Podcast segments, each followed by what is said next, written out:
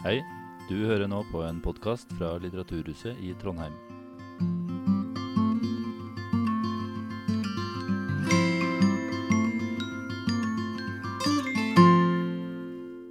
Altså eh, Hei!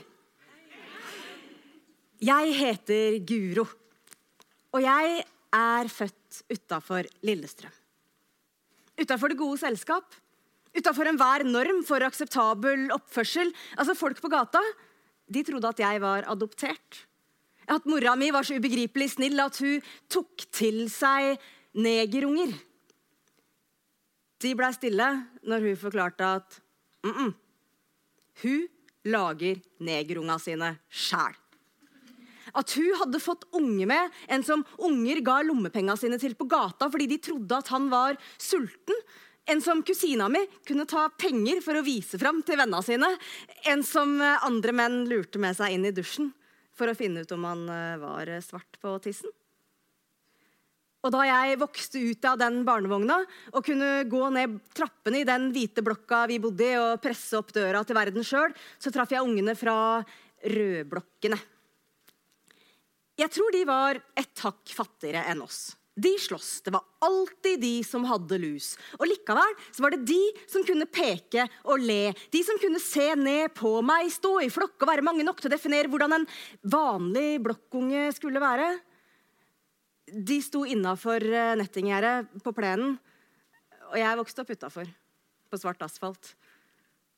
Og det kan være ålreit, det, altså å være utafor. En vilter unge må bevege seg for ikke å bli ilter, og det er mye lettere å løpe på asfalt enn på gress. Det eneste jeg husker at var skikkelig stress, det var de der søte, gamle damene. Ja, også de snille unge damene og de velmenende pikebarna. Alle de som spurte Hvor er du ifra, da? Og det holdt liksom ikke da å svare Jeg er fra Løvenstad. Vi har hvite blokker, hvite sokker, hvite jojoer og rockeringer. og Det er bleikinger og fiskeboller i hvit saus og pigmentløse kokte poteter og helhvite norske omstendigheter. For du kan banne på at de svarte ja, ja, men uh, egentlig? Og hva svarer du da? Når du er født mellom kritthvite lakener og putevare og har en hvit morfar og en onkel som heter Gunnar. Jeg prøvde kanskje å si noe om den bleike mora mi, men de, de fortsatte. Ja, ja, ja, men, men, men altså Egentlig, egentlig og egentlig, egentlig så er slekta mi fra Breimegubeiret, der vi feirer åndeslutt og ligger i disputt om veirett og jord helt uavbrutt. Og det er hvitt skum når elva går stor forbi der hvit myrull gror. Vi plukker hvite prestekrager, hvite bjerkestammerager, det er hvite fjelltopper og hvite lodne knopper og varme, hvite geitekropper. Kille, kille, kille, kille, kille, kille, kille, kille. Bleik himmelrand, hvit melk i hvite spann fra kyra og vitrim på bøen, sa jeg. Og de svarte jaså. Ja, hva syns du om snøen? Det var som om jeg var for brun til å eksistere. Alle andre var alltid vi, og jeg var alltid dere. Men altså, jeg har også hvitt skjelett. Jeg har hvite tenner. Hvite flater under føtter og inni hender. Det er her jeg er født. Jeg er bare født kokosnøtt. Og det kjentes ensomt. For jeg visste ikke at det var mange av oss. Altså, det her var før en kokosnøtt ble best i landet til å slåss. Før kokosnøtter begynte å dra de beste norske rima. Før det ble hett nok i norsk polarklima til at vi kunne løpe raskest med norsk flagg på brystet. Før vi blei de beste til å forlyste deg. Før en kokosnøtt løfta en mulla. Før huet til den første kokosnøttministeren rulla. Før en kokosnøtt leda TV-aksjonen. Før kokosnøtter reiste seg og overtok nasjonen ja, bare vent. Når hun der Ingrid gifter seg, da får vi en kokosnøtt på tronen. Men den gangen da var det bare i litteratur at jeg kunne finne en slags ensomhetskur. Så jeg leste. Jeg leste om unger som uh, fant fremmede verdener inni klesskap. Og om unger som uh, forliste og havna på øde øyer. Og om unger som spiste bare poteter. For pappaen deres var motstandsmann og satt på Grini. Jeg leste aldri om unger som bodde i blokk, som hadde olabukser i skapet og foreldre i stua. For de bøkene de handla bare om ungene i røde blokkene. I de bøkene så fantes ikke jeg i det hele tatt. Og i de bøkene så var vel det til det beste for alle.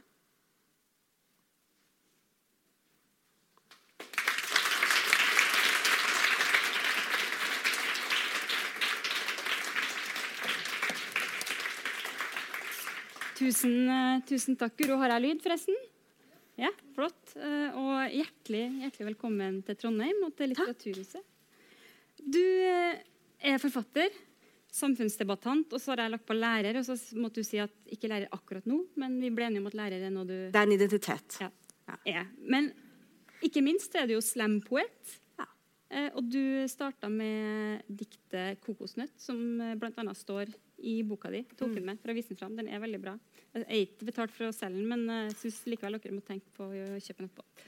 Uh, I den Lav lyd. Vi kan prøve. Vent, da. Skal vi se. Er det bedre nå? Er det noe Ja, vi kan prøve mer. er litt. Hallo? Ja, nei, nå eh, bare eh, ødelegger jeg den isteden. Ikke smittevern Nei, nå kanskje. Er det bedre? Nei. Den er for kort. Det er liksom det. Den kommer Jeg har et litt lite Fram. hode. Det spørs om det det skal ha gått bra før, så det skal jo gå bra igjen. Ja. Du, litt, jeg, kan, jeg hører at vi Ja, men eh, da må jeg sitte og holde på en sånn her. Det er litt uh, bedre nå? Nei. Jo? Skal vi prøve? OK. Kan, eh, Nå er vi kohort. Nå er vi Det løpet er kjørt. Kan eh, dere som sitter bakerst, eh, gjøre sånn her det, hvis det slutter å funke? Ja, bra. Skal jeg prøve å se opp. OK. eh, du har da skrevet bl.a. denne rasismens poetikk. Eh, og i den så står det bl.a. at du er drittlei av å snakke om rasisme. Men det står også at du alltid skal snakke om rasisme. Og nå er vi jo her da, for å gjøre nettopp det. Snakker om eh, rasisme. Og det er et sånt ord som eh, får folk til å flakke med blikket, eller å bli forbanna eller fornærma eller redd eller alt på en gang. I hvert fall min eh, erfaring. Hva, hva er grunnen til at du ville skrive denne boka? Jeg ville jo ikke det. Det er ikke, det er ikke noe sånn frivillig prosjekt, det her, liksom. Uh, nei. Uh, jeg var uh, dødsforbanna for at ingen hadde skrevet den boka. Eh, og så eh, så er jeg jo sånn punker, egentlig. da. Eh, og vi punkere vi gjør jo ting sjæl når det ikke blir gjort av andre. Eh, men jeg har vegra meg lenge for å skrive den boka. Jeg hadde ikke lyst. Jeg gikk liksom og venta på at noen andre skulle være så snill å skrive den boka. Eh, og så skrev jo Kamara Lundestad Jof eh, den boka som heter 'Jeg snakker om det hele tida', som også er en fantastisk bok.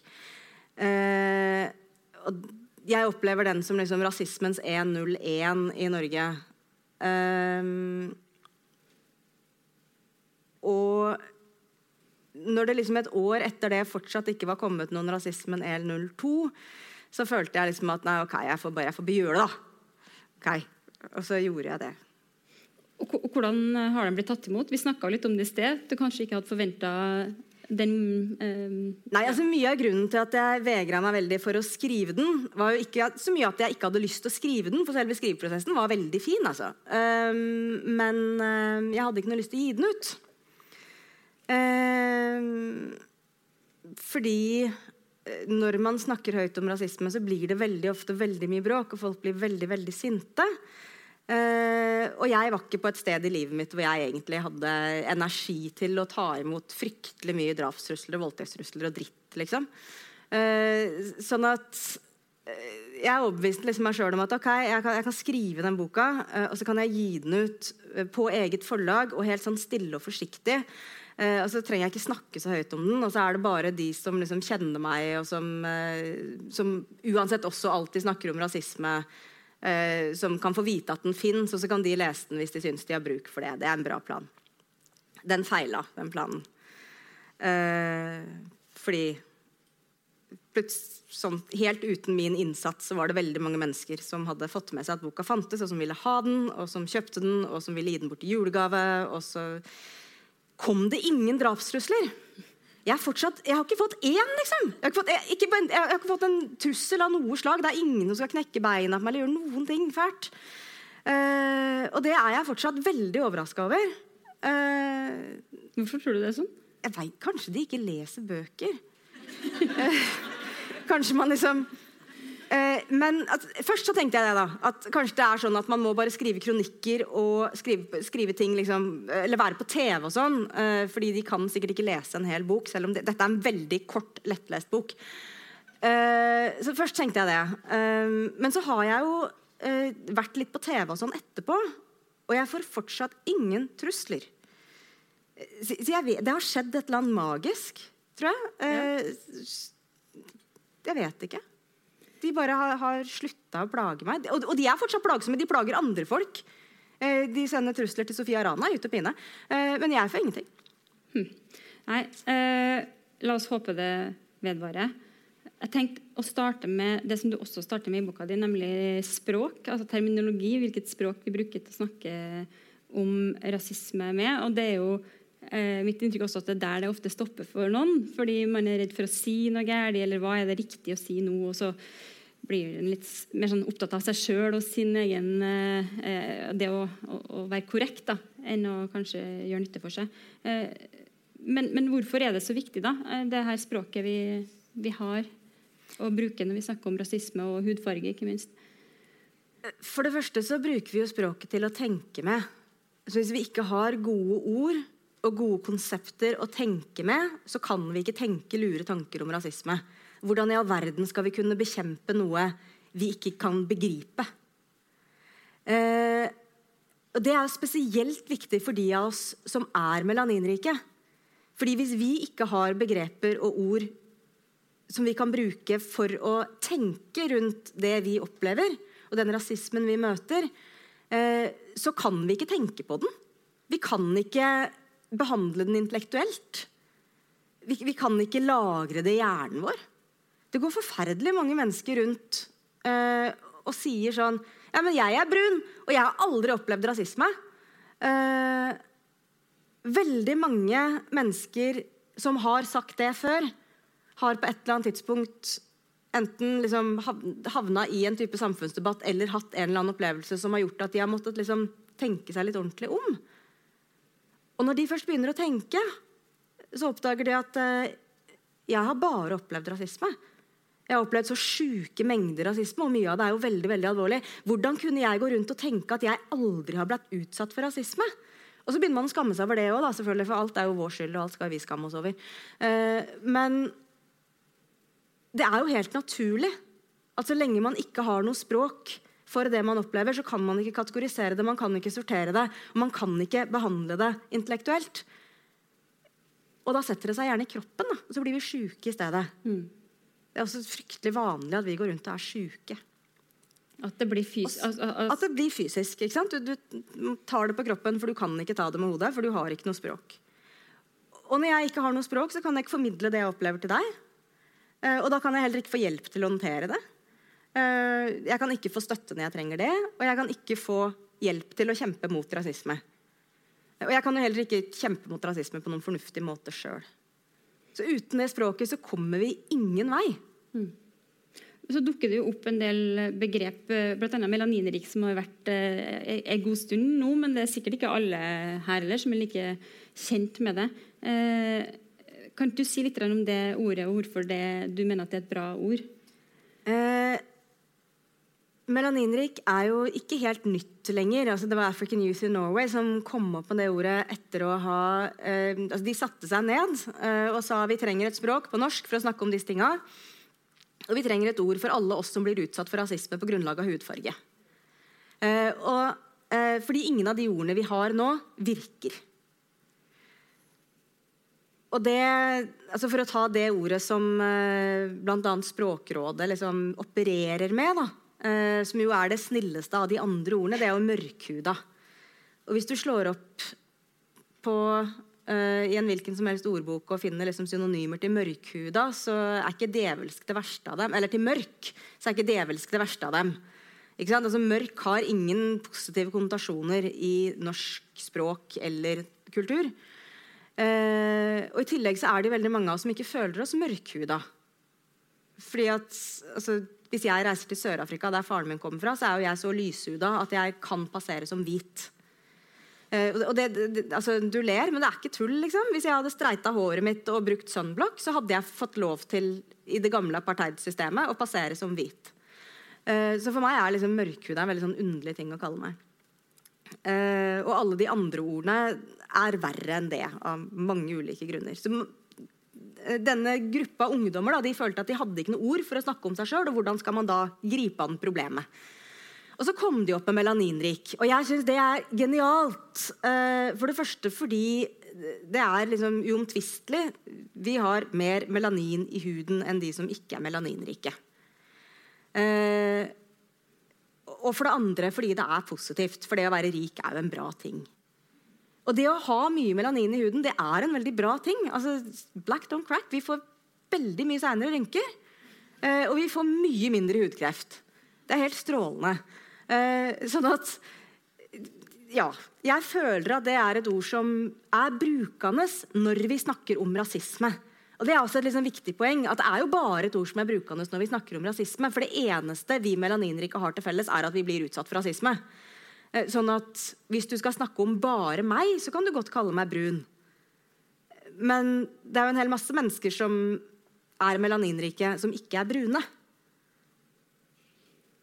Men som har andre hvor det er andre ord som er mer passende å bruke. liksom. For Man opplever jo at noen enkelte ønsker å unngå hele og hvorfor må vi liksom kategorisere. Men, men skal, det er jo som du sa i starten, skal du helt tatt snakke om det. Og hvis du da ikke har presise nok ord, det er vel litt der det ligger da, mm. det, det, bidrar til at, det, at man får eh, et mer presist språk. Ja. ja. Og stort sett så er jo nettopp når vi snakker om rasisme, de eneste grunnene det er noen altså de eneste gangene det er noen grunn til å påpeke hudfarge, enten når man snakker om rasisme eller når man snakker om hudkreft eller solfaktor. Det, det, det, er liksom det, er der, da. Jeg har jo allerede sett noen bli liksom småsure fordi at øh, men er vi melaninfattige, da? Vi vet liksom det og, uh. Ja, og den Men øh, det syns jeg er ganske gøy. Øh, fordi da får man eh, uttrykt i klartekst da, den der ideen som rasismen er helt avhengig av. Eh, som er at det fins en dikotomi i verden hvor du har hvite på den ene siden, eh, og så har du alle andre på den andre siden.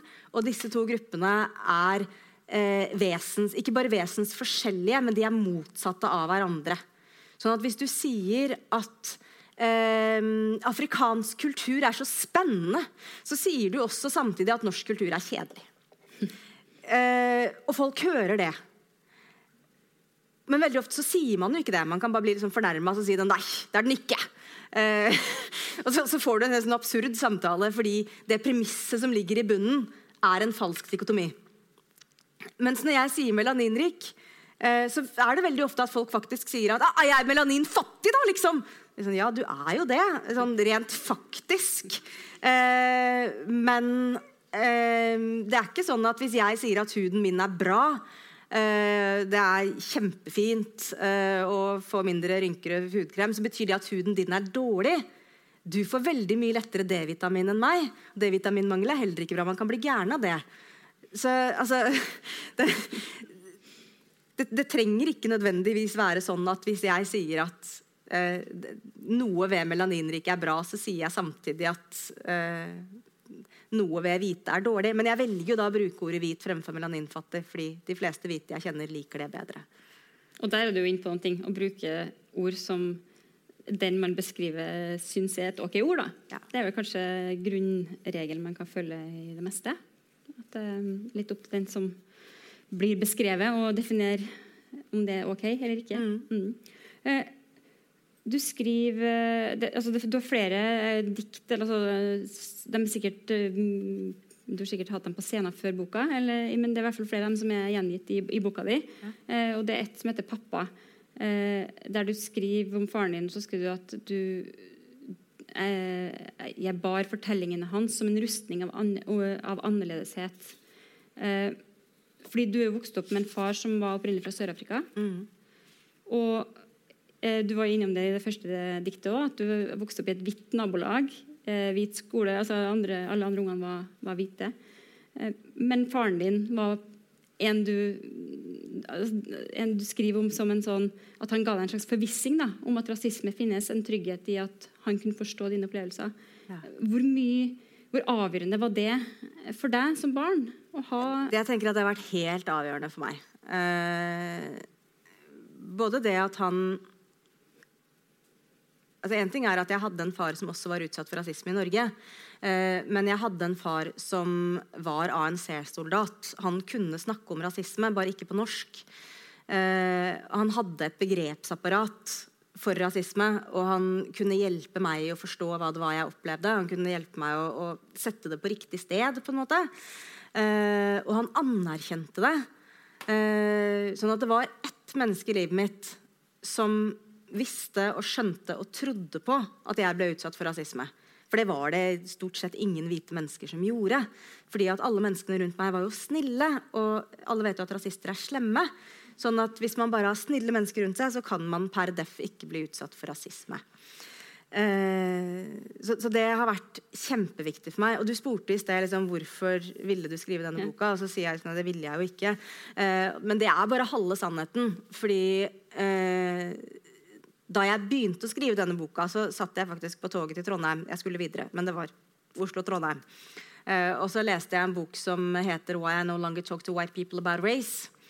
Uh, og Forfatteren av den boka uh, beskriver da første gangen hun intervjua en melaninrik jente som hadde vokst opp i et helt hvitt hjem, altså med to hvite foreldre. og eh, hvordan hun liksom eh, sa at Men jeg kan ikke bare velge å ikke snakke med hvite folk om rasisme. Hvite folk er liksom mamma og pappa. Det, det, det går jo ikke an, liksom. Eh, og hvor hun da får en sånn forståelse for at okay, det, det, er en, det, er et privilegium å ha muligheten til å ta det standpunktet. Eh, og så blir jeg først sånn sint på forfatteren. Og jeg er sånn Ja! Eh, fordi det er sjukt irriterende å alltid måtte snakke med hvite folk om rasismen. Og hvite folk er liksom bestemor og bestefar og onkel og, og, og folk som det er meninga at du skal kunne søke støtte hos. Eh, og så kan du ikke det, fordi du må lære dem opp først.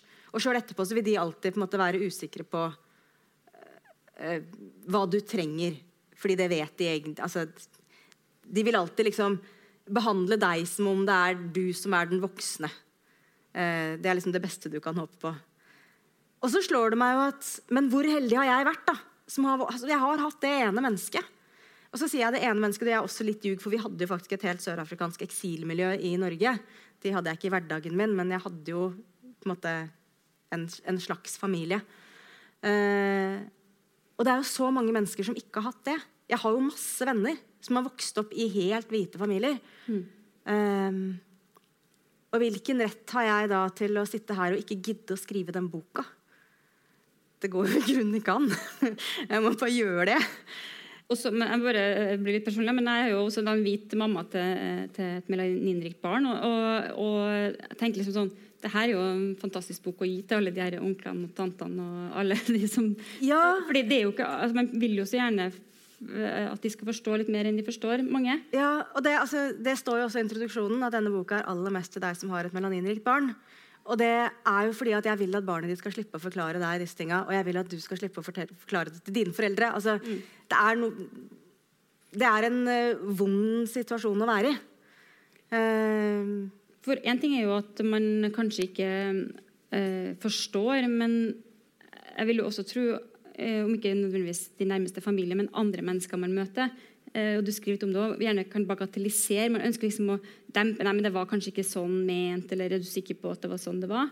Eh, og, og, hva gjør det eh, med et barn eller en ungdom som stadig vekk på en måte opplever å få opplevelsen sin eh, redusert? da? Det gjør jo at man slutter å stole på sine egne opplevelser. ikke sant? Man slutter å tro på at man kan vurdere det som skjer med en selv. Eh, og særlig altså, De av oss som er kvinner, kjenner jo til det her. Fordi dette opplever alle jenter. Eh, men dette opplever også alle melaninrike. Og å være melaninrik kvinne er på en måte å, å bli fratatt muligheten til å tro på og stole på seg sjøl og sine egne opplevelser. Eh, og det er ganske skadelig eh, og gjør deg veldig utsatt. Det gjør at du, vel, du blir veldig lett å overkjøre.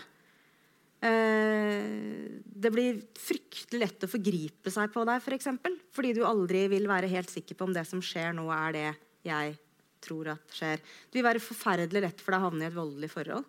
Fordi det, være, det, er veldig vanskelig for deg å stole på at min opplevelse av eh, dette forholdet er riktig, eh, når du har en kjæreste som forteller deg at du tar feil. Eh, og, det, og det, gjelder på en måte i alle andre forhold i livet også. Er, for at vi skal kunne beskytte oss sjøl, så er vi avhengig av å stole på vår egen opplevelse. Og alle melaninrike jenter jeg kjenner, har det problemet at det, det gjør vi egentlig ikke. Jeg gjør heller ikke det. Jeg stoler ikke på mine egne opplevelser. Jeg jobber med det og lærer meg og liksom snakker hardt til meg sjøl og sier at nå, nå, føler du det sånn, og da skal du late som du tror på det. jeg tror ikke på det, ikke sant? Da er det jo, du, det, du skriver jo annet med Det er kanskje litt glimt i øyet, da, men du skriver som at av og til så har du lyst til å bare dumpe alle de her eh, vennene dine som da ikke er melaninrike, og så flytte inn i et kollektiv med bare melaninrike. Og, og, uh, samme liksom om du Samme om jeg liker dem eller ja, liksom. men har, er det litt for å da altså Den tanken der da, for at det fellesskapet i hvert fall er et sted hvor man da um, er fri for det den usikkerheten på ja. akkurat det der? Eller den, ja. eh, det fellesskapet hvor vi stoler på hverandre, eh, og hvor jeg kan stole på at eh, At de andre tror på min opplevelse av ting. At jeg kan komme og fortelle ting og ikke møte fornektelse. Ikke møte eh, tårer, altså det vi kaller white tears, hvite tårer. Eh, ikke møte aggresjon. Eh, ikke møte unnvikelse, men bare bli møtt på at ja, det, det, skjedde, det var kjipt. Kanskje vi bare skal snakke om litt sånn tårer med det samme? Jeg bare skal finne ut hvor jeg hadde det, nevnt det. Men altså, hvite tårer det, det, er jo igjen et sånt Både white fragility og white tears det er jo noen sånne eh, ja, jeg, jeg, jeg velger i boka å ikke si hvit skjørhet, jeg sier skjørhet. skjørhet ja. Og det er jo fordi at er det noen som kan bli skjøre i møte med rasisme, så er det jammen vi melaninrike. Det skal vi ha med oss. Ja, Hvordan da? Eh, veldig mange av oss har investert forferdelig mye tid og krefter i å manøvrere et rasistisk samfunn. Eh, og vi vet at det gjør vi best hvis vi ikke snakker om rasisme. Det blir veldig ubehagelig for oss hvis vi snakker om rasisme. Eh, og det betyr at Hvis noen andre begynner å snakke om rasisme, så er det på en måte en, en litt sånn eksistensiell trussel for oss. Og da blir vi kjempeskjøre. Mm. Eh, sånn at eh, Altså Robin DiAngelo, som presenterte dette begrepet på engelsk, hun snakker om 'white fragility'. Eh, jeg tenker at eh, det vil være fryktelig urettferdig å legge det på hvite mennesker alene. fordi vi kan bli minst like skjøre. Men når jeg sier 'white tears', altså hvite tårer, så er det fordi at det er en strategi folk bruker når de blir skjøre, som bare hvite har tilgang til. Den virker ikke for meg. Det hjelper ingenting om jeg begynner å grine. Det er ingen som slutter å snakke om rasisme bare fordi jeg begynner å grine. Men hvis hvite damer begynner å grine, eh, da er temaet Da er vi plutselig over på den, den stakkars da blir jeg offeret. Ja, ja. Eh, og, og, du har jo ektefølelser. Ja. Eh, for du er jo et ektemenneske. Så der må vi jo ta hensyn til. Da vil jeg at du så kan da, trøste meg litt. Da. Ja, så Hvis jeg ikke trøster deg og øyeblikkelig slutter å snakke om rasisme, så er jeg et forferdelig hensynsløst og grusomt menneske. Eh, og har tapt all troverdighet. Sånn at Ja. Det virker veldig godt, altså. Og hvis det da ikke er tårer jeg tenker sånn, Eller at du ikke kan, ikke kan grine, men, men, det du gjerne får, da, eller ikke du, men altså, som jeg skjønner det også, man som melaninrik oftere får, er jo da en oppfattelse av at du er sint. Ja. Eller ag aggressiv. Eller, eh, og det er, jo, er du jo litt uh, inne på, også som barn, å bli oppfatta som, som, sint. Hva, hvorfor er det sånn, tror du? Ja, altså jeg tenker jo at dette er stereotypier som strekker seg tilbake til slavetida, liksom. Eh, og altså, jeg orker ikke snakke mye om slavetida, men bare la oss huske på at slavetida var ikke noe som skjedde i Amerika. Hvem tror du dyrka det sukkeret som ble raffinert her i Trondheim? Hvem tror du dyrka den bomullen som ble spunnet i fabrikkene langs Akerselva?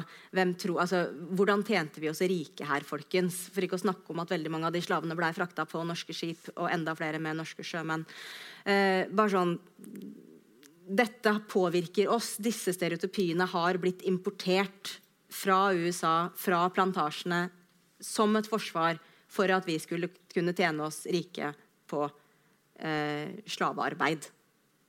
Um, og da fins det eh, to typer negere. Det er den gode negeren, og så er det den dårlige negeren. Og den gode negeren er underdanig, dum eh, og jobber hardt. Eh, og gjør som han får beskjed om. Og den dårlige negeren er farlig. Aggressiv.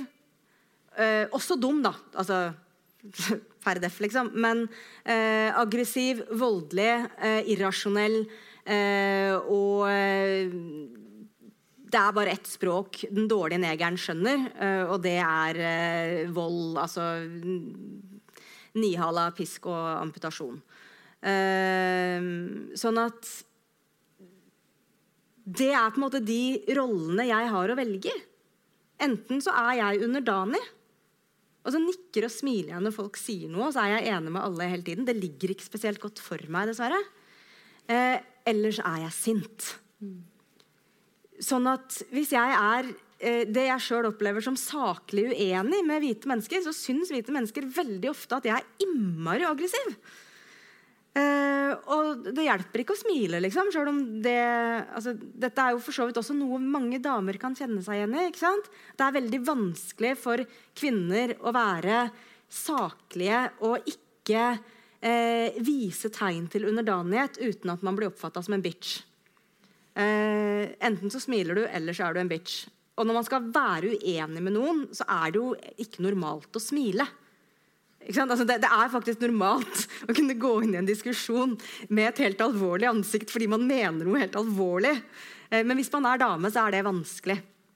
Eh, og for meg så er det altså, klin umulig, og ikke bare i de situasjonene hvor det er vanskelig for meg som dame, eh, men i grunnen i alle situasjoner. Enten så er jeg fryktelig snill, eller så er jeg ikke bare en bitch, men jeg er en irrasjonell rasende, farlig bitch.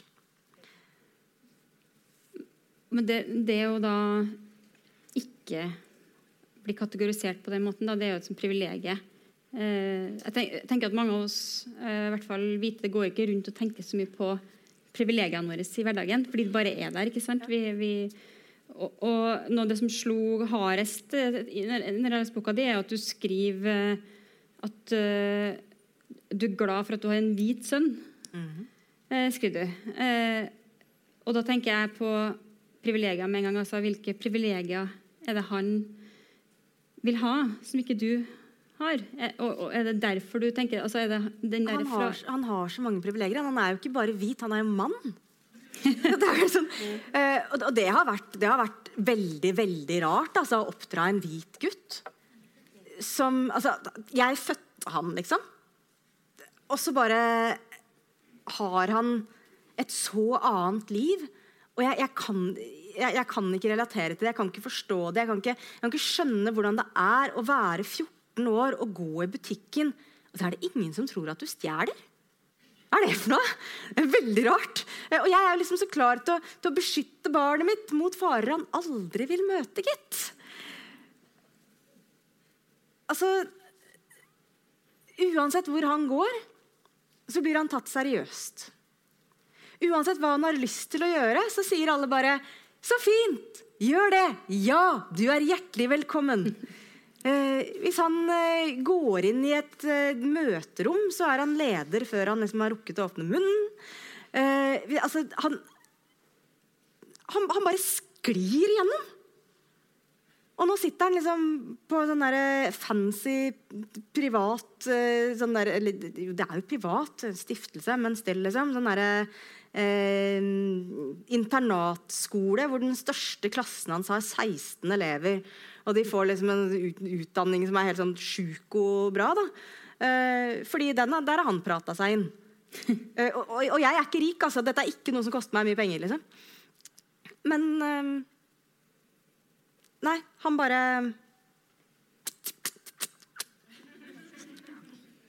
det, fordi det er jo noe altså, Nå er vi jo på det som er, er med, det, med hudfarge. at det er jo noe som du rett og slett ikke kan eh, Du kan ikke skjule deg. Du kan ikke bestemme at akkurat i dag Nei. så vil jeg ikke.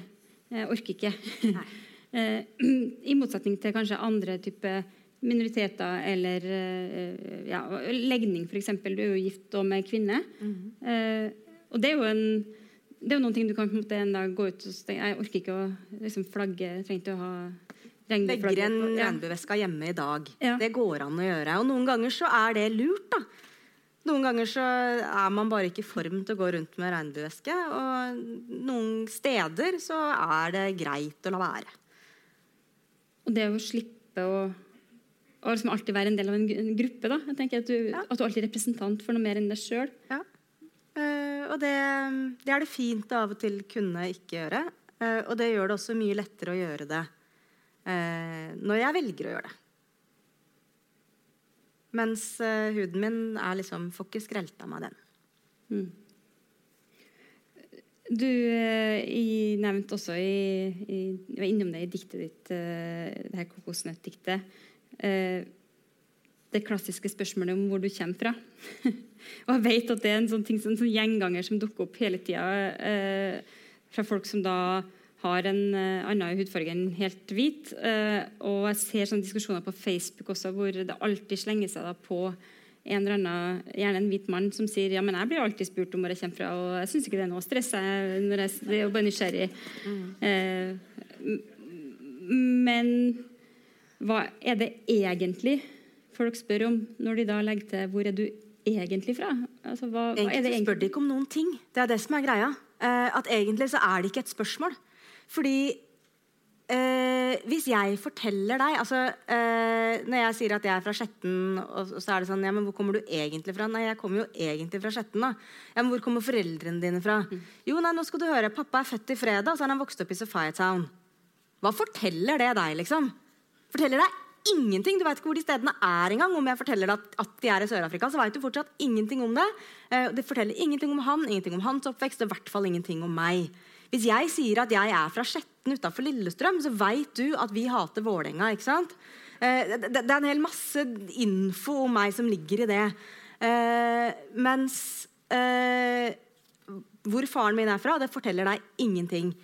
Og du spurte ikke egentlig for å få vite noe heller. Det du gjorde, det var at du sa 'Jeg ser at du er brun'. Jeg ser at du ikke er helt norsk. Du er ikke norsk ordentlig. Du er den andre. Du er noen andre. Du er ikke en del av mitt vi. Du fortalte meg noe. Du spurte meg ikke om noe. Og hvis det der skjer da en gang i uka at best, eller vet jeg? Eh, ja, virkelig at best. Eh, I hvert fall når man er barn, da. Mm. Eh, det er jo altså, Som voksen så kan man jo i veldig stor grad velge hvem man omgås, og hvor man går. og hva man, altså, men når man er barn og liksom er mer overlatt til sine omgivelser, så er det jo konstant. Og, og, det er det fortsatt. Altså, jeg drar det diktet Jeg skulle ønske jeg aldri kunne ta det diktet mer. For burde, altså, vi burde være ferdig med det der nå, liksom. Mm. Uh, men vi er jo aldri ferdig med det der. Uh, og jeg tar det for uh, ungdomsskoleklasser ganske ofte. Gjorde det før korona. ganske ofte. Og det er ikke, det er ikke ett melaninrikt hode som ikke sitter og nikker. Ja, liksom.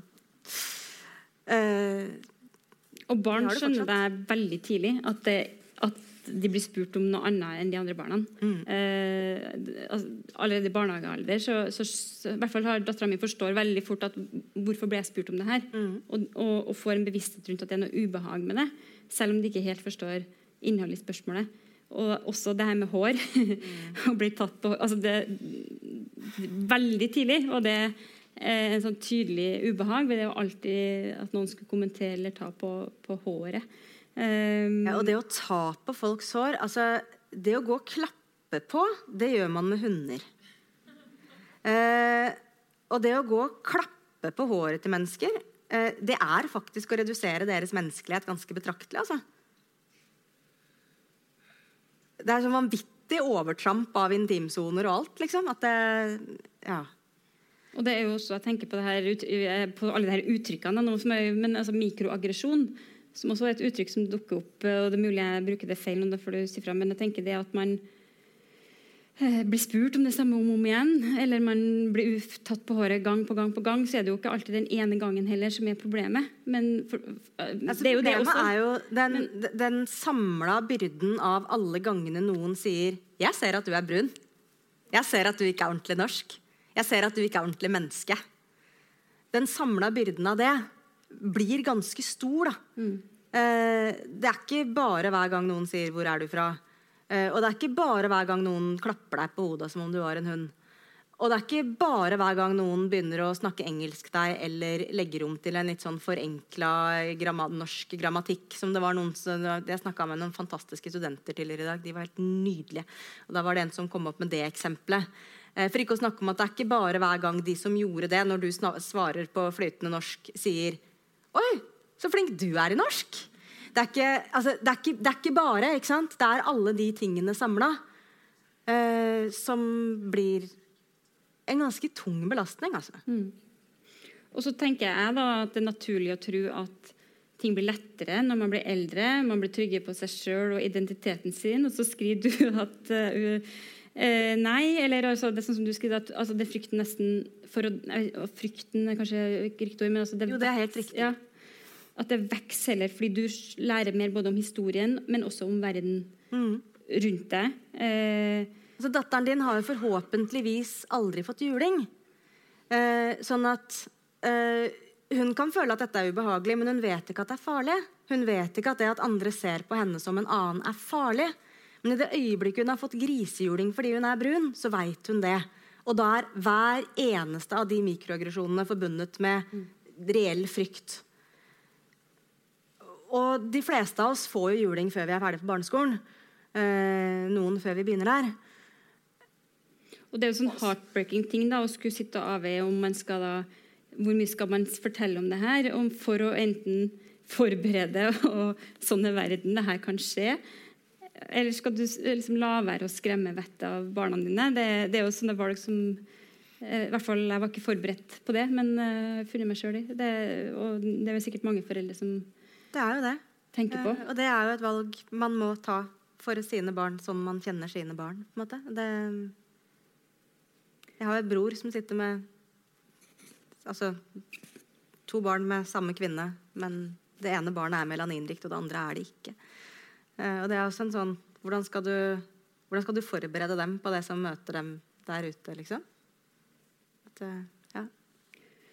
Eh, og verden Vi var eller nevnte så vidt vi snakka om det verden rundt oss, da, verden i dag, men sånn som den er, da. Trump og høyreekstremismen øker også i Norge, og politivold og eh, Men samtidig så har du hatt Black Lives Matter og det som har skjedd i etterkant av det. Eh, er du håpefull, eller er du redd, mer redd enn Er det skumlere enn, det var før, eller er er du, har du håp? Eh, ja og ja. Eh, det er kjempeskummelt. Eh, for det kan jo gå så sjukt til helvete nå. Eh, unnskyld språket, men uh, jeg syns det passa.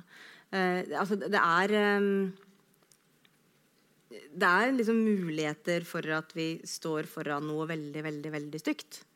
Men det er jo også muligheter for at vi står foran eh, en betydelig bedring.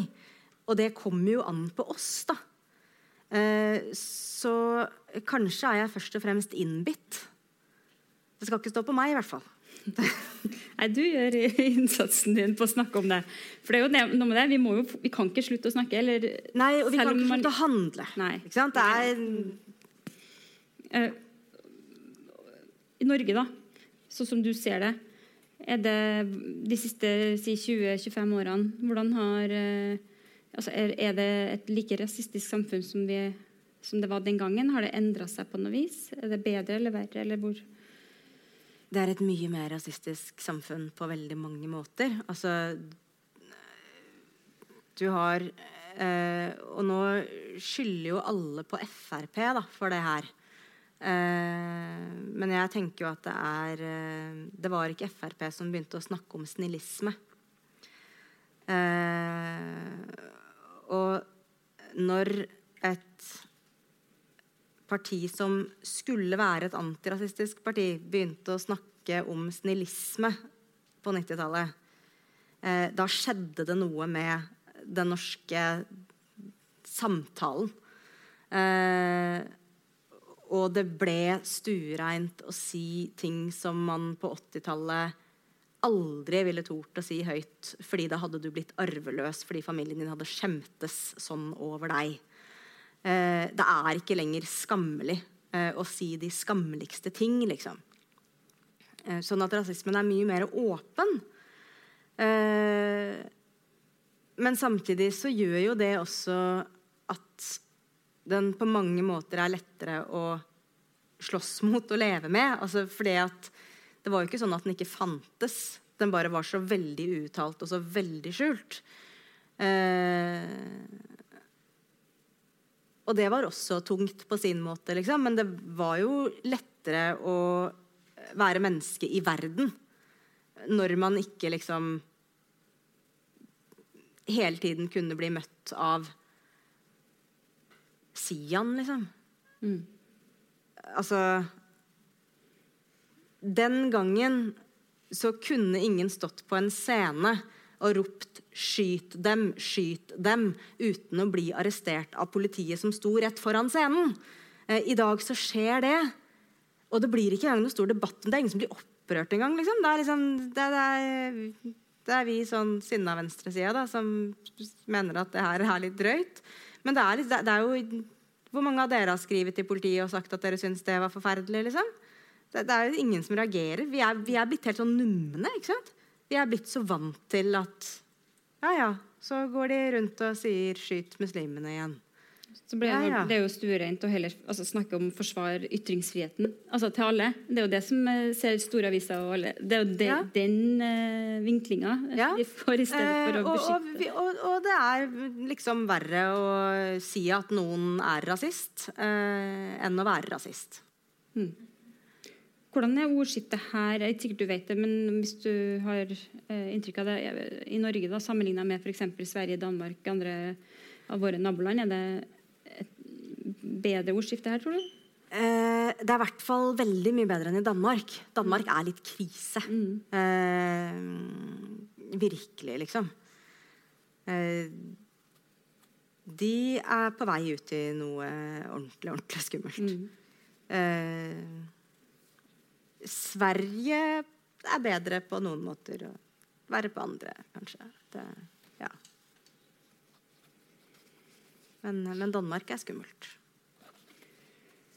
Eh, Jeg er jo litt ekstra opptatt av kulturlivet. Da. Det er der jeg, kommer fra. Og, og vi driver en podkast også om, om det, ofte med mangfold og, og representasjon der. Eh, og du skriver om et, et eksempel som eh, jeg syns var litt sånn eh, Jeg lo litt sjøl, men ikke spesielt morsomt. Eh, og det er jo um, Mats Nygaard i eh, Gyldendal. Aschehoug. Aschehoug, ja. Aschehoug, selvfølgelig. Han er jo sønn av ja. Eh, Som da bruker det her eh, kvalitetsargumentet, som jeg kaller det. da, fordi vi ser jo også, altså Dette gjelder jo selvfølgelig masse alle deler av samfunnet, og spesielt i lederstillinger, at, at uh, representasjon, minoritetsrepresentasjon uh, står det dårlig til med. Uh, men også i kulturlivet. Og vi merker det, for Jeg har stilt en del institusjoner de her spørsmålene, om, og, og da, da kommer alltid det her svaret om ja, men det er ikke nok. Eh, skuespillere, altså gode nok skuespillere. Det er ikke mange nok med kvalitet eh, eller regissører eller hva som helst. Og, og, og, jeg mener at han, eh, Mats også sa noe av det samme. Ja, altså Han sa at uh, Men uh, vi kan ikke uh, ofre kvalitet for representasjon. Og da har du satt opp en dikotomi, da. Mm. og det er et argument vi møter hele tiden. Uh, og det er så Det er, er, er provoserende på så mange nivåer. Uh, fordi For det første så sier du jo da at uh, nettopp det finnes ingen som er flinke nok. og for det andre så fratar du på en måte deg sjøl alt ansvar for å gjøre noe med situasjonen. For du kan jo ikke noe for at det ikke finnes noen som er flinke nok. Sånn at det å liksom gå inn og undersøke sine egne strukturer og se på om det kan være noe du har makt til å gjøre som kan bedre denne situasjonen, det trenger du ikke tenke på. Eh, og for det tredje så eh, og, det, og, dette gjør jo selvfølgelig Mats Nygaard helt uten å tenke seg om. Eh, han er jo da sønn av William. Uh, og femtegenerasjons forlegger, ikke sant. Og absurd sånn altså her, her, snakker vi kulturoverklasse, altså. Uh, og for han er det jo en selvfølge uh, at han kan bedømme kvalitet. Det faller jo ikke han inn at hans bedømminger er subjektive. Han tenker jo at nei, altså hvis jeg syns det er bra, så er det bra. Fordi er det noen som er kvalifisert til å være smaksdommer, så er det jo meg. Fordi jeg er jo nøytral, altså hvit mann. Uh, og det det, det har alltid liksom, gått bra. Det har aldri vært en problem med det. Nei, og det at han i 2019 kan sitte og helt ute Og han er en snill mann. Altså, det, det er han, han, er ikke, han, er ikke, en kjip fyr. Han er kjempekoselig. Han vil kjempegodt. Han, han, er, altså, han er, en skikkelig fin fyr, liksom. Eh, men hvordan har han klart å være inni den bobla så lenge at han ikke har stilt seg sjøl spørsmålet kan jeg egentlig vurdere kvalitet på vegne av alle forlagets lesere? Mm. vet jeg egentlig hva som er bra for alle? Uh, ja, det Jeg er litt sjokka. Jeg hadde egentlig forventa at han skulle kommentere det, men jeg jobber jo litt for forlaget hans òg. Men det har han ikke gjort foreløpig. uh, jeg tenkte også at vi må snakke litt om um, det her med allierte. Det er jo kanskje der vi, over mot håp her, litt mot uh, slutten. Da. Men um, det her har jeg skrevet før jeg så på publikum. så jeg skrevet, Hvis vi ser ut i salen i dag, så er det jo et rimelig hvitt publikum. har jeg skrevet. Uh, det, liksom, det, er det jo ofte. I, hvert fall på biblioteket her så legger jeg merke til at det er det. Uh, ofte damer òg. Det tror jeg òg har rett i. så det kan jo være mange her som lurer på hvordan, slett, eh, hvordan kan vi være bedre allierte. Eh, altså, hvordan kan vi mm, droppe de her hvite tårene og, brette opp ermene og, og, gjøre noe? Hva kan vi bidra med? Les boka mi.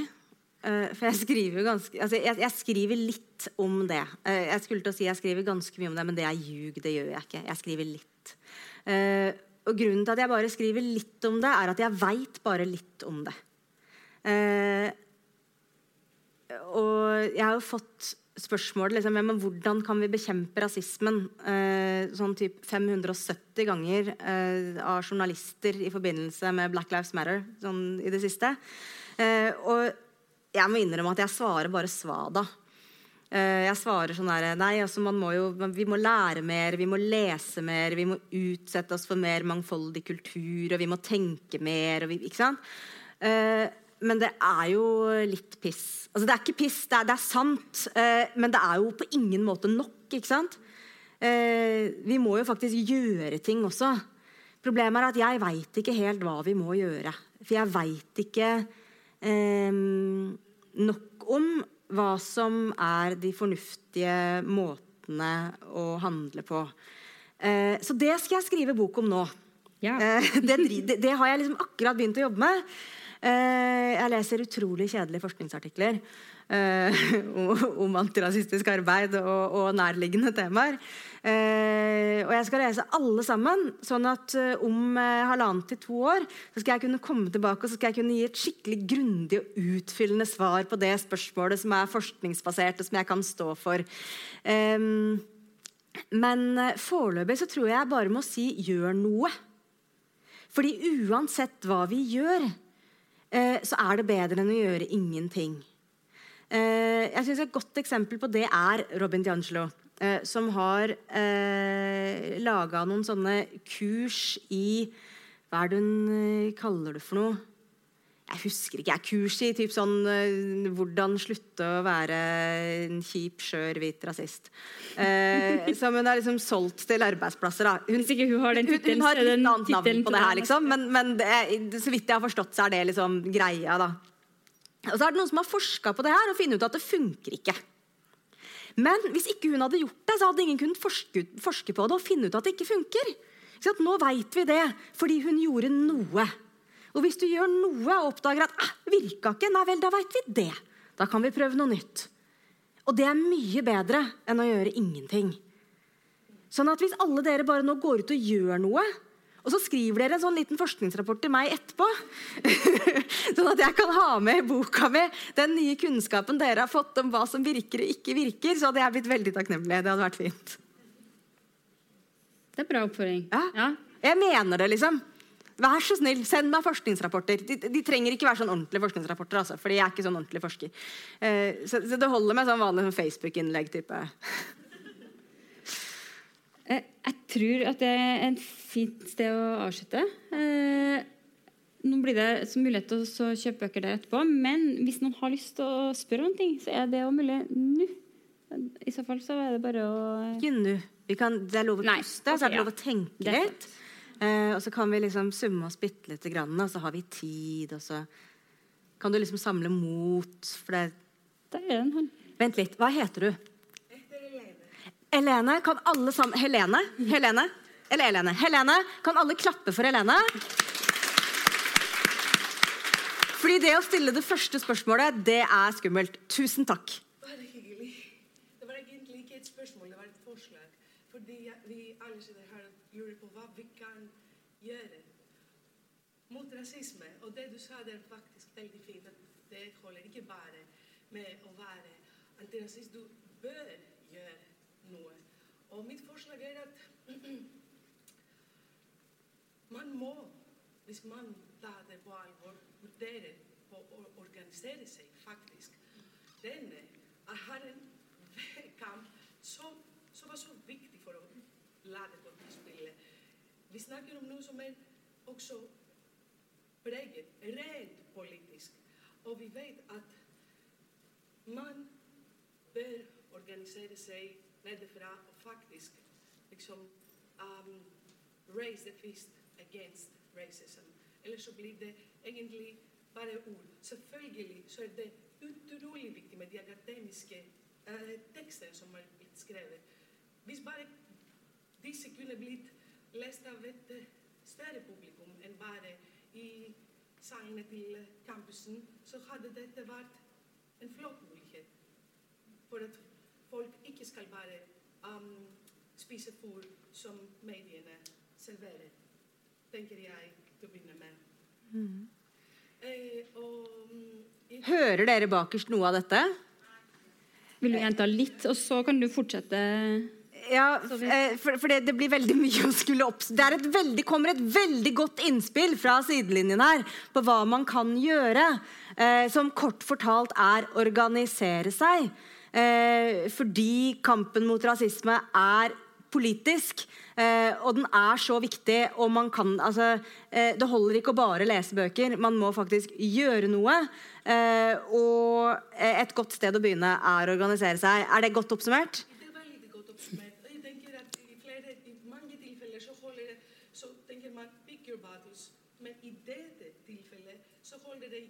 Man må stå for mot, eh, man må stå mot rasisme uansett situasjonen man befinner seg i.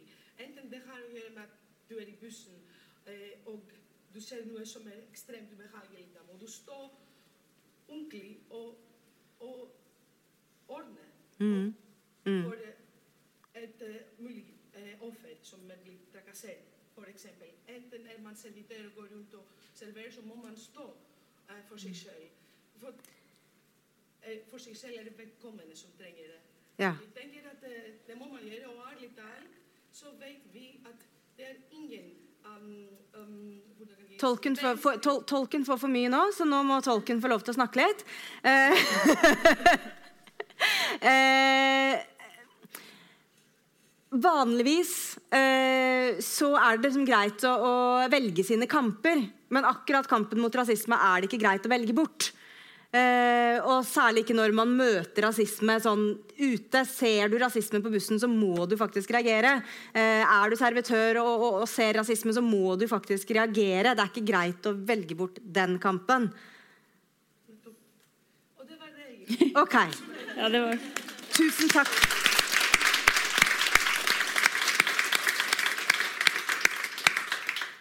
Oi, flere hender. Jeg var bak, ganske langt bak med blå og grå genser. Ja. Tusen takk. Eh, Jeg heter Stine, og jeg er pedagog og jobber på NTNU. eh, Og er veldig glad for å være her. Veldig glad for at du er her, Guro. Hyggelig, Stine. Eh, Og så eh, lurer jeg på det her med å gjøre noe. Eh, Fordi at eh, jeg vil veldig gjerne være enig i at vi alle bare skal gå ut og gjøre noe. Men så klarer jeg ikke helt å være det. Og det er fordi at jeg har sett eh, rundt omkring på skoler i Norge en god del eh, hvite lærere som kan altfor lite til å gjøre noe, eh, og som gjør vondt verre. Eh, Ved å dra rasistiske representasjoner inn i klasserommet, og dermed vold inn i klasserommet, som de ikke klarer å, å eh, bryte ned og eh, anerkjenne smerten som produserer, og som dermed lander hos elevene. Tusen takk, Stine. Jeg elsker deg litt for det. Hørte alle det, eller? Stine har stemme. Ja. Eh, er, er, er du ferdig? Jeg skjønner veldig godt hva du mener. Jeg skjønte hva du mente sånn cirka ved første setning. Og så var jeg sånn, å Gud, Tenk om Stine ikke hadde reist seg og sagt det nå. Det hadde vært ganske fælt. Eh, tusen takk, for det er helt sant. Eh, når jeg sier at man kan gjøre noe, og så eh, kan man oppdage at det ikke virker, eh, og så er det bra, så betyr jo selvfølgelig ikke det at det er bra hvis man gjør noe og oppdager at Eller gjerne da slett ikke selv oppdager at det man har gjort, er kjemperasistisk. Eh, og det betyr at det der med å faktisk lese, få kunnskap, sette seg inn i ting før du begynner å gjøre noe Det er jo ikke sånn at det er greit å bare gå ut og tenke at ja, men jeg trenger ikke altså, Jeg syns det er så slitsomt å lese, sånn, jeg har ikke tid til det, så jeg bare, jeg bare går rett på aksjon. Jeg. Eh, da blir det jo ofte feil. Eh, men hvis vi gjør ting etter beste evne, som betyr at vi faktisk leser alle de bøkene først de, det er ikke mange bøker du trenger å lese. Det er ikke mange YouTube-videoer du, du trenger å se. liksom. Men prøv. Sett deg inn i stoffet så godt det lar seg gjøre først. Eh, og hver altså, Når du snakker om skolen, så er jo skolen spesielt fordi elever i skolen er så ekstremt sårbare. ikke sant? De er både sårbare fordi de er barn, og de er sårbare fordi de er elever. Eh, og det å jobbe mot rasisme i en kontekst hvor folk som er utsatt for rasisme, er, da skal man tråkke forsiktig. For da kan man fort gjøre vondt verre.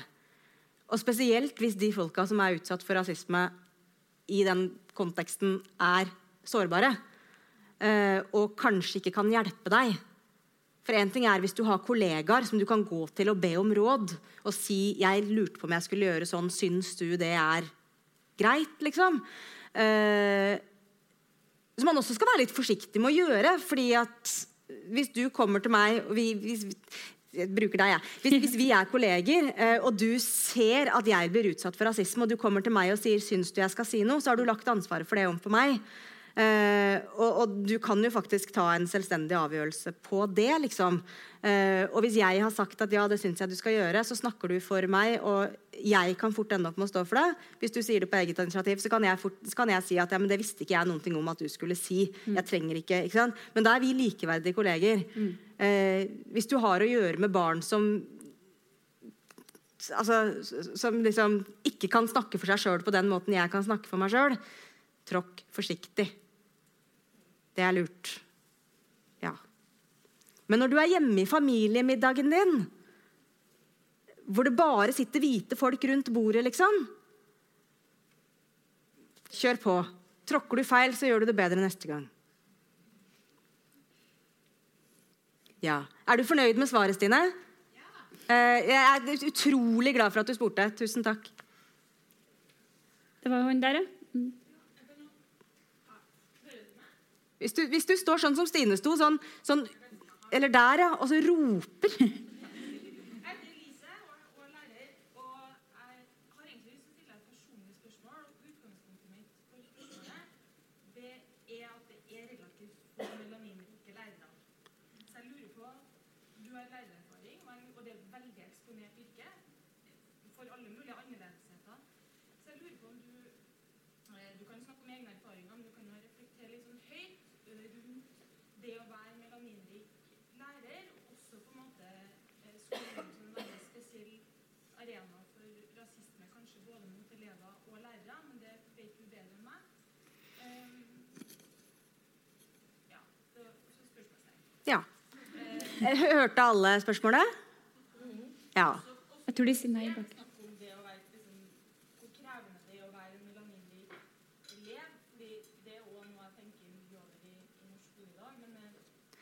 eh, ja eh, jeg tror jeg skal begynne med, begynne med, med dette med å være melaninrik lærer. Eh, gjenta spørsmålet litt, for de bakerste da ville ha Ok. Eh, spørsmålet er da det fins veldig få melaninrike lærere i Norge. Eh, og det å være lærer er jo ofte å være i en utsatt posisjon når man er annerledes på en eller annen måte. Eh, så spørsmålet var vel eh, hvordan er det å være lærer, jobbe i skolen, være melaninrik? Og svaret på det er jo at det kan være krevende. Det kan også være krevende å være lærer og være homo. Og det handler jo om at man står aleine. At eh, min leder skjønner ikke hva ting handler om. Mine kolleger skjønner ikke hva ting handler om. Eh, men samtidig så er jeg jo altså Skolen er jo et hyggelig sted å jobbe. Sånn at jeg har jo aldri opplevd å ha en leder eller å ha kolleger som ikke er velvinnelig innstilt og gjerne vil støtte meg hvis de kan. på en måte. De bare vet jo ikke helt av seg selv hvordan de eventuelt må gjøre det. Eh, men stort sett så hører de jo bare på hva jeg sier at de skal gjøre, og så gjør de det. Eh, ikke alltid. Men jeg har, altså jeg har blant annet tidlig i min lærerkarriere eh, Faktisk før jeg var ferdig på lærerskolen, så jobba jeg litt på en skole hvor det ble veldig mye sånn homohets mot en eh, annen lesbisk lærer. Eh, og det eneste tiltaket som ble satt inn da, det var at alle lærerne sa at de var homo. Eh, og det var også det eneste tiltaket som var nødvendig. Fordi det ble liksom bare slutt. Når alle lærerne kom ut av skapet samtidig. Eh, og ja, sånn, ja, ja, ja det, er, det, er, sant at jeg er gift med en dame, men jeg, jeg er homo òg. eh, så, så, så, ferdig, liksom. Altså, og, og det er klart at sånn sett, jeg, jeg, tror kanskje det ikke er så innmari mange bransjer hvor det liksom kunne skjedd. da. Eh, men lærere er generelt jævlig kule folk. Eh, sånn at det er jo en fordel også når man er melaninrik. Men eh, det kan være utfordrende eh, Jeg har f.eks. hatt en elev som hadde foreldre som var aktive nynazister. Eh, og det ble jo veldig utfordrende. Eh, Fordi det er jo elevens beste som skal på en måte stå i sentrum. Og det er jo åpenbart ikke til det beste for en elev med foreldre som har nynazister, å ha en melaninrik lærer. ikke sant? Det, altså, sorry, det, det blir jo en interessekonflikt for den ungen som unger ikke skal trenge å stå i. Eh, så så jeg har opplevd sånne type ting som har liksom vært eh, vanskelige Sånn at jeg ikke sjøl har liksom vært sikker på hva som er riktig å gjøre, og hvordan man skal håndtere det her og sånn. Eh, og jeg har opplevd mer sånn alminnelig rasisme fra foreldre og fra kolleger som ikke er ondsinna på noen måte, men som bare liksom må tas tak i. da. Og det er jo slitsomt å alltid være den som må ta tak i det. Men samtidig så er det å være melaninrik lærer en sånn enorm gave. Fordi melaninrike barn trenger melaninrike lærere. De lærer rett og slett mer av å ha melaninrike lærere på skolen sin, liksom.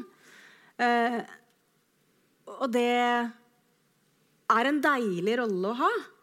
Jeg skulle ønske jeg ikke var så aleine om det. Jeg skulle ønske vi var mange flere. Um, og jeg syns jo at skolen og lærerutdanningene burde ta noen grep for å sørge for at vi ble mange flere. Uh, for jeg mener jo at det er et samfunnsproblem at vi er så få melaninrike lærere. Uh, men jeg har nok opplevd det som mer veldig givende enn veldig vanskelig. Føler du at du fikk svar på det spørsmålet? Ja. ja. Det er flere som ikke jeg ser. Ja? Da reiser jeg meg. Hei, jeg heter Maria. Hører dere meg? Ok. Nei, det var mer en kommentar til liksom det der hva man kan gjøre for å bekjempe rasisme. da. En ting alle sammen kan kontrollere, er dere sjøl. En ting de fleste skal kun ha språk for, er sine egne følelser. Har jeg tenkt rett? Når noe er ubehagelig, så er det kjempeenkelt å bare sånn OK, nei, men det her gidder jeg ikke å finne med. Å nei, nå, å nei, Og så begynner man å krympe seg. ikke sant? Fordi, ok, Man vil jo ikke stå i en ubehagelig situasjon. Men da kan man også analysere den følelsen og reagere på den.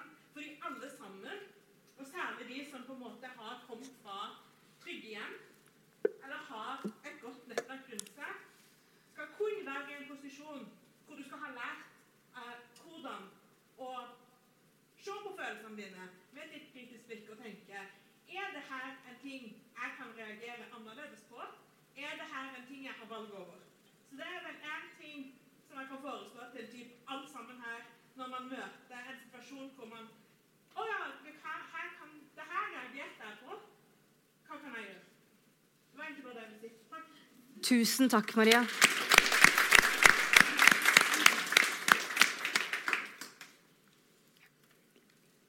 Jeg har ikke briller på, jeg, for jeg la igjen dem der nede like godt. Så jeg ser jo ingenting. Men jeg Tar gjerne flere hvis Tror noen ikke vil. det er noen- Eh, Vel, ja, der kom det en hånd langt bak.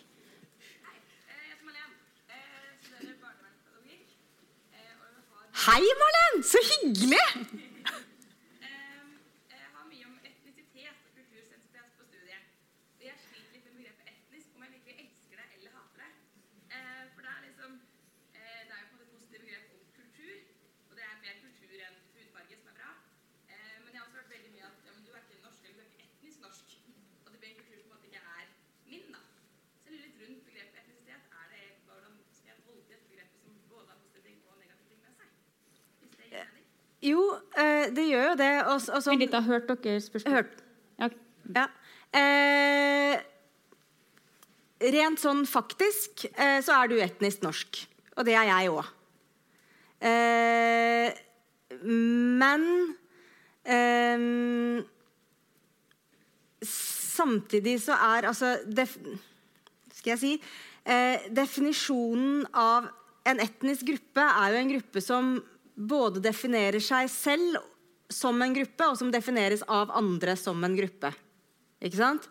Eh, og hvor det eh, kan skje på grunnlag av f.eks.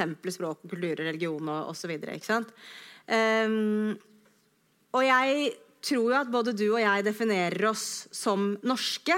og som en del av gruppa norske. Og det gjør jo også det store flertallet av de andre i den gruppa. Sånn at eh, da er man vel etnisk norsk. Men det at det hele tiden er noen andre medlemmer i den gruppa som stiller spørsmål ved vår tilhørighet i gruppa, eh, gjør jo liksom at eh,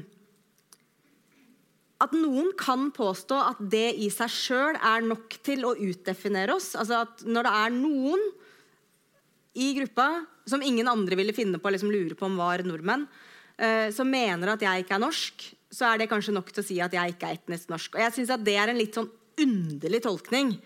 Eh, for da er det jo fryktelig Da blir jo gruppa etnisk norsk veldig liten.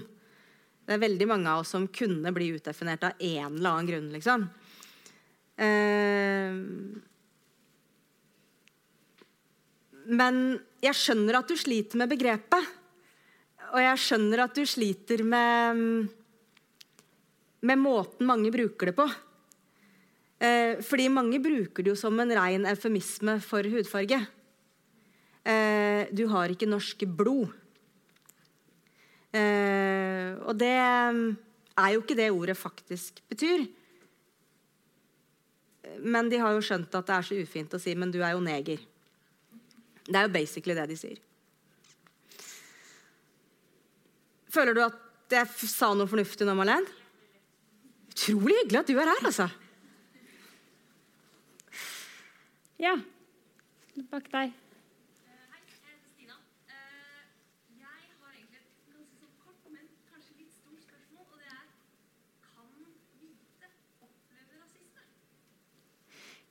Ja, men ikke i Norge.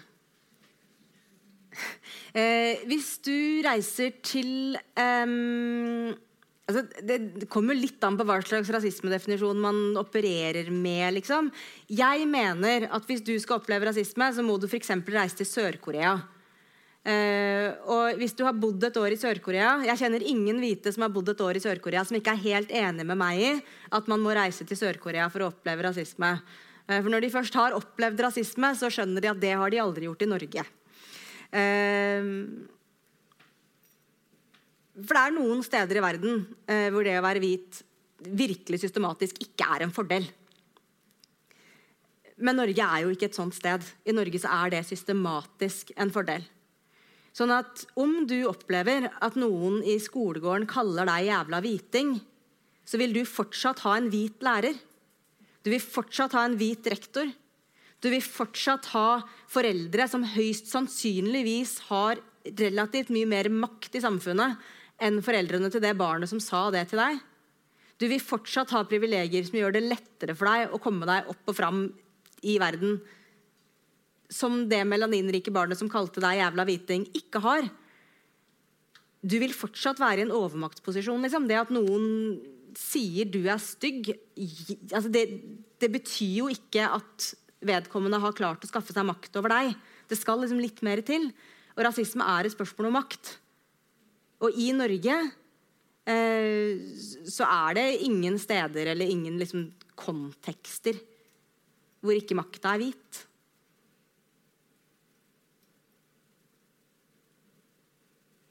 Ja. Føler du at du fikk svar?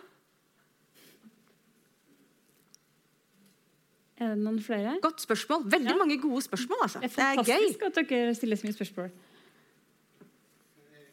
Ja. Sånn eh, eh, noe som har skjedd i, i kampen. Kan ikke du reise deg og rope litt, så slipper jeg å gjenta alt du sier etterpå? Det jeg bare lurer på, eh, eh, uten å ha et, eh, noe sånn eh, spesielt eh, som har skjedd eh, i, i bakhodet når jeg s- stiller dette spørsmålet, men om, om eh, humor og satire og den slags ting som lett eh, er eh, veldig po- polariserende og eh, ja, det blir jo ofte mye trøbbel av den slags. Men om det også kan ha Eller om, hva du tenker om det. Om, eh, om det har noe rolle i, å, i denne kampen her. Eh, hva, hva, jeg, jeg skjønte ikke helt Hva mener du med om det har noen rolle? Om, om, eh, på om vi kan bruke det, eller om det er Altså, om, om kanskje vi som er, er hvite, da, og vil også på hvor, hvor, eh, hvor grensen går, eller hva eh, Forstår dere litt hva jeg prøver å? Ok, ja. Eh, hørte dere bakerst det? Nei. Eh, han spør om humor og satire, og hvor grensa går. Eh, og da spørs det litt hvilken grense du snakker om. Fordi at Én ting er jo grensa for hva som er morsomt. Og hvor den går, det kjenner du godt sjøl når du spør deg sjøl hva er det egentlig jeg ler av. Eh, nei, nei, men, ikke sant? Hva er det egentlig jeg ler av? Og er det jeg ler av, morsomt? For veldig ofte så er jo humor og satire det er liksom, altså, Man kan le av noe bare fordi det er sjokkerende. Eh, men det er ikke dermed sagt at det er morsomt. Eh, og, og, og det tenker jeg, det, det klarer folk sjøl å vurdere, liksom. Men hvor går grensa for om det er greit? For det er jo helt greit å være en dårlig komiker. Det er helt greit å liksom ikke være morsom når du prøver på det. Uh, men, men hvor går grensa for hva som er greit? Uh, og det er jo forferdelig vanskelig å svare på. Kan, vil bare tillegge Ja. Premisset her er eh, at det gjøres eh, som et forsøk på å styrke den samme saken som det virker som at vi alle er eh, enige om her. Altså, premisset er at det ikke er en eh, eh, ond intensjon. Men det eh, Forstår dere eh, Ja, nei, fordi at er premisset altså Han prøver å klargjøre litt premisset her. da, altså sier han at Premisset er at det er noen som prøver å støtte denne saken. Eh, altså at det ikke er en ond intensjon. Så tenker jeg at Det er to forskjellige ting. Eh, for det er jo forskjell på om du prøver å være aktiv antirasist i humoren din, eh, eller om du bare ikke prøver å være rasist.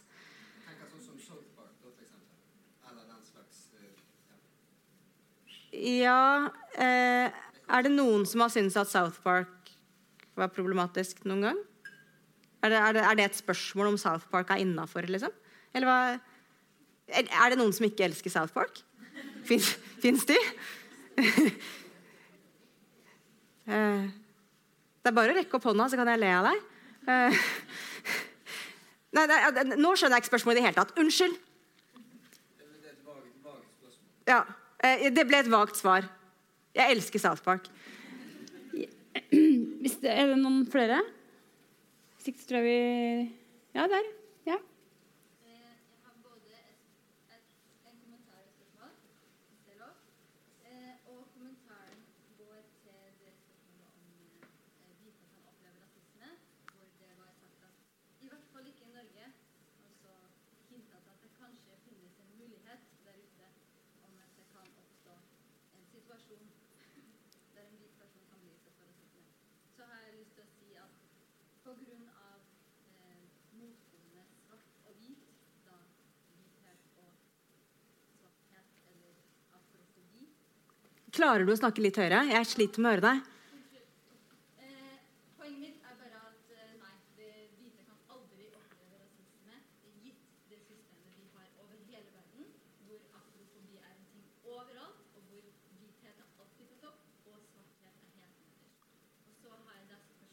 Jeg er uenig med deg i det. Eh, og grunnen til det er at jeg veit at det fins noen steder på jorda hvor hvithet ikke er på topp. Eh, og alle de stedene jeg veit om, er i Asia. Eh, og det er eh, land i Asia hvor ja, eh, svarte er under hvite folk, men hvite folk er så langt under eh, lokalbefolkninga eh, at eh, de virkelig merker det, liksom. Eh, så så jeg er litt uenig med deg der, altså. Men det er ikke mange steder på jorda det er sånn. Hadde du Hadde du mer? Ja, eh, men eh, da faller spørsmålet egentlig. Ok. Eh, men det er, jo, altså det er jo et spørsmål man kan være uenig i. Eh, men, men jeg mener nok at eh, det Altså, jeg har jo ikke vært der sjøl. Eh, men jeg har på en måte Jeg, jeg har hørt historier eh, som tilsier at eh, OK, det går, faktisk, yes, det går faktisk an for hvite folk å bli utsatt for rasisme. Bare ikke i Norge. Ja. Bare å føye litt til i forhold til hvite. Eh, eh, ja, hvi- hvite som er ikke norsk, jeg er enig med hun som sier at man kan oppleve rasisme. Selv om man er hvit, men i og med at man er ikke norsk, og man er innvandrer, jævlig innvandrer, da kan man også oppleve Da kan man hilse på nabo og nabos hode. Da man kan få hets fra kollegaer fordi man er ikke etnisk norsk. Og det er en slags rasisme, det mener jeg. Definitivt. Uh, og det, altså, men, men da, da må man også liksom snakke litt om definisjonen av hvithet. Og jeg tror nok at når vi snakker om hvite, uh, så snakker vi om etnisk norske uh, hvite. Mens eh, veldig mange hvite innvandrergrupper blir utsatt for rasisme. Veldig mange hvite muslimer blir utsatt for rasisme. For ikke å snakke om at man selvfølgelig har urfolk og etniske minoriteter som blir utsatt for absurde mengder rasisme og har blitt det i veldig, veldig lang tid. Eh, men de regner ofte ikke seg selv som hvite. Veldig mange samer for eksempel, regner ikke seg selv som hvite, de regner seg som samer. Eh, og det Ja. Komplisert skal det være. Hvithet er mer enn hudfarge. Ja. ja. Med mørkt hår og ja. Reis deg opp, jeg veit du kan rope. Hallo, hallo! Anne-Vis, snakker du og faren din forskjellig om rasisme? Ja. Eh, nå snakker jo jeg mye mer om det enn han gjør. Eh, men altså, han eh, har jo fortsatt ikke noe godt norsk språk å snakke om rasisme på. Altså, pappa er blitt 80. Eh, han har hatt seg et lite slag og slitt litt med afasi og sånn. Eh, så, sånn at eh, vi eh, vi snakker jo Han bruker jo fortsatt sitt sørafrikanske begrepsapparat og forståelsesramme, liksom. Eh, men jeg forstår hans forståelsesramme, og han har lært å forstå min forståelsesramme. Så vi snakker godt med hverandre, men vi snakker jo ulikt. Svarte jeg på spørsmålet ditt? Ok. Kan jeg bare legge til, da, Er det en generasjonsforskjell òg, tror du? I, altså den, uh, I den tida vi er i nå, er det snakker yngre Det blir veldig generelt, da. Det er jo selvfølgelig forskjell her. Men den generasjonen som vokser opp nå, tror du det er annerledes? De snakker generelt altså Hvis man nå skal være liksom veldig sånn generell, så snakker jo zoomerne utrolig mye bedre om rasisme enn noen generasjon før dem. Eh, og når jeg sier jeg reiser rundt på ungdomsskoler, så er jo det er jo litt sjokkerende å oppleve at de beste samtalene jeg har om rasisme, har jeg med 14-åringer. Eh, fordi de har lest mer enn noen voksne jeg kjenner. Eh, og, de har tenkt mer og diskutert mer med hverandre og snakka mer. Eh, og, og, sett mer på YouTube. Og, og ha, altså, de har så snøring, de kidsa, liksom. At er det noen som jeg føler virkelig har mye å lære meg, så er det 14-åringene. Eh, og det mm, Kudos til kidsa, de har alltid rett. Så der er det jo en generasjonsforskjell. Men jeg veit ikke i hvor stor grad den er om hvor, altså, hvordan man snakker. De er bare flinkere enn oss. De har skjønt mer enn oss. Ja. Kan jeg bare kommentere på det du sa nå? Kan det være fordi det snakkes mer om det nå? Fordi jeg er 28 år, og når jeg gikk på videregående eller ungdomsskole, så vi prata ikke om det. Det ble ikke nevnt. Mm. Mens nå er det mer Man ser det på TV, folk protesterer. Ja, så det, det er jo selvfølgelig en grunn til at eh, at de har valgt å begynne å lese og snakke og se. Men, men jeg opplever jo at de stort sett har gjort det på eget initiativ. Det er ikke sånn at de har lært så fryktelig mye på skolen. akkurat.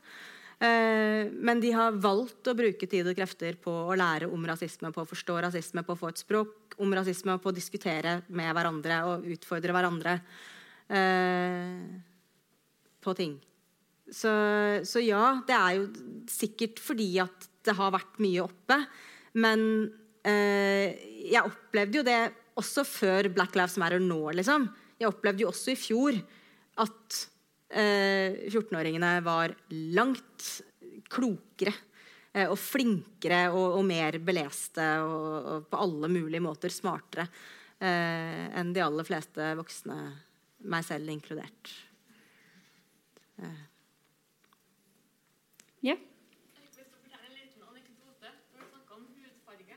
Eh, Jeg bodde to år i Zimbabwe da jeg var lita, og gikk i internasjonal barnehage. Eh, Og så en dag så kom jeg hjem og sa Eller jeg husker ikke hva en historie er, men mora mi har fortalt den til meg. Eh, Så kom jeg hjem og fortalte at jeg hadde fått meg så mange nye venner i dag. Og så sier mamma Ja, hvilken farge hadde de, da?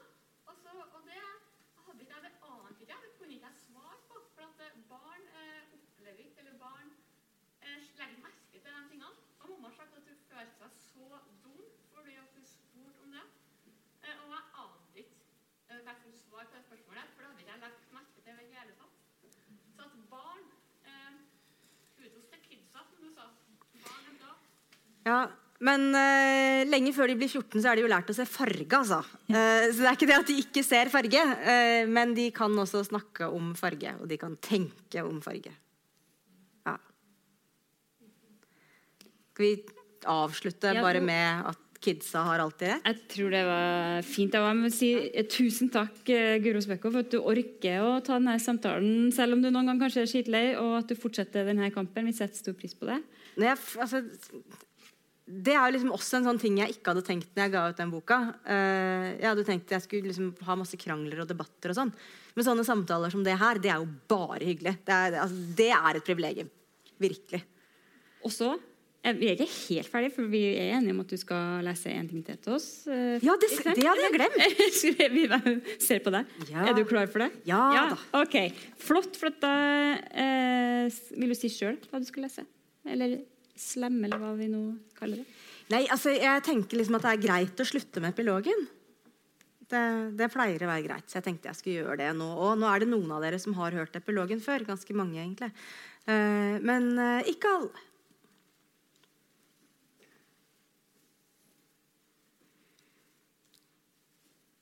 Jeg ser at tida er mørk. Men jeg er ikke blind for lyset.